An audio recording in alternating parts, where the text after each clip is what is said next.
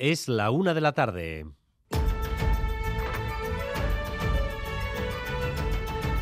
Crónica de Euskadi con Dani Álvarez. A Rachaldeón, tráfico complicado, muy complicado durante toda la mañana en las principales carreteras del país debido a la lluvia constante que cae. Una sucesión de accidentes han ido motivando problemas, algunos de los cuales se mantienen todavía a estas horas. Vamos a recapitular. Irache Ruiz. Sí, la lluvia ha caído durante toda la mañana, llevado a la acumulación de balsas de agua en la calzada, en particular en territorio guipuzcoano. El accidente más destacado se registraba a primera hora en la Nacional 1 en Andoain, un turismo quedaba volcado en la carretera y las retenciones han superado los 6 kilómetros. En Donostia y alrededores se han acumulado hasta 30 litros por metro cuadrado y a esta hora el Departamento de Seguridad recomienda circular con precaución debido a esas balsas. En concreto preocupa el agua acumulada en la Guipúzcoa 631, en Sestoa, en la variante de Donostia, Guipúzcoa 20 y en la Nacional 634 a la altura de Usurbil. Además, accidente de última hora en Villabona, Nacional 1, han colisionado un camión y un turismo en sentido Gasteiz. Y atención porque lo peor se espera para esta tarde, se prevén chubascos localmente fuertes y a las 3 se activará el aviso amarillo por fuerte oleaje. El viento soplará del noroeste y levantará olas de hasta 5 metros de altura, además originará fuerte marajada a mar gruesa hasta la medianoche. Como es habitual en estos casos, en la capital guipuzcoana se activará la alerta naranja por impacto de olas en la costa y se cerrará el paseo nuevo para vehículos y peatones desde las 6 de la tarde. También se prohibirá el acceso al peine del viento y al espigón de la Zurriola. Ya lo han oído, donde más problemas en carreteras estamos teniendo es en Guipúzcoa y particularmente en Donostia y alrededores, que es donde más llueve. Han llegado a recogerse 30 litros por metro cuadrado. Precaución, porque la situación como acaban de escuchar, todavía no va a aflojar Euskalmet, Arrachaldeón. Caixo Arrachaldeón, la tarde se presenta con un tiempo más que desapacible. La lluvia, los chubascos van a ser continuos e intensos, localmente incluso podrían ser fuertes y venir acompañados de tormentas. Así que las precipitaciones eh, van a ser abundantes y los acumulados más importantes podrían darse en Guipúzcoa, sobre todo en el este, donde se podrían acumular más de 50 o 60 litros por metro cuadrado hasta mañana por la mañana. Por otro lado, el viento del oeste-noroeste va a ser intenso la vertiente cantábrica, especialmente en la costa, donde las rachas podrían rondar los 100 km por hora a partir de esta tarde hasta mañana por la mañana. Y con esta situación, la temperatura también irá bajando y al final del día es probable que la cota de nieve se sitúe en torno a los 1000 metros. Por tanto, la tarde se presenta lluviosa, con chubascos intensos y continuos, y el viento del noroeste va a soplar con rachas fuertes en la costa y zonas cercanas.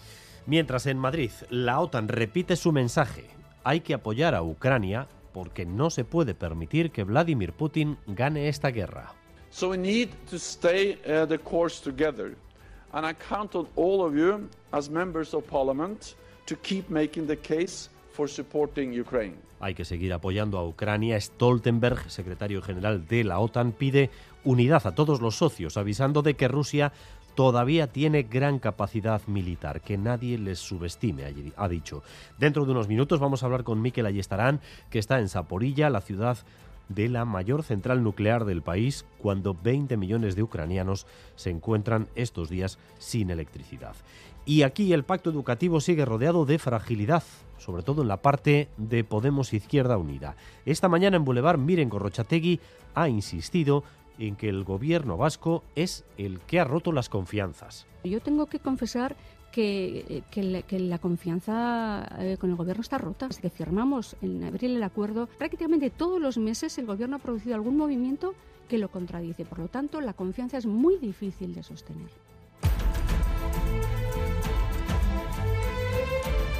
La inflación está bajando gracias sobre todo a la energía. Mientras el precio de la alimentación sigue disparado, la luz baja y España tiene ahora mismo uno de los precios más bajos de la energía de toda Europa. ¿Es casualidad o es por las medidas políticas o es por todo a la vez, Rodrigo Manero? Pues son varios los factores que entran en juego. Por un lado, el mecanismo ibérico, el tope del gas, que hoy vuelve a restar al precio del megavatio hasta situarlo en el mercado mayorista en los 69 euros, su segundo nivel más bajo de todo el año. Un precio que contrasta con los 250 euros que están pagando en Alemania, Francia o Italia y que se contiene también en la factura gracias a las rebajas de impuestos. Y por otro lado están los factores ambientales las renovables, sobre todo la eólica, están produciendo más y sigue sin hacer mucho frío, lo que hace bajar la demanda. La artista donostiarra Esther Ferrer va a donar una nueva obra de la serie El poema de los números primos para la futura estación del tren de alta velocidad en Atocha. Las obras de la nueva estación generarán una cubierta transitable, una plaza elevada desde donde se podrá acceder a la segunda planta de tabacalera. La intervención de Esther Ferrer se instalará en el pavimento de la plaza y presidirá la nueva entrada tabacalera. Se va a realizar en cerámica y van a predominar los colores verde y azul. Escuchamos al artista. Para mí San Sebastián es verde y azul.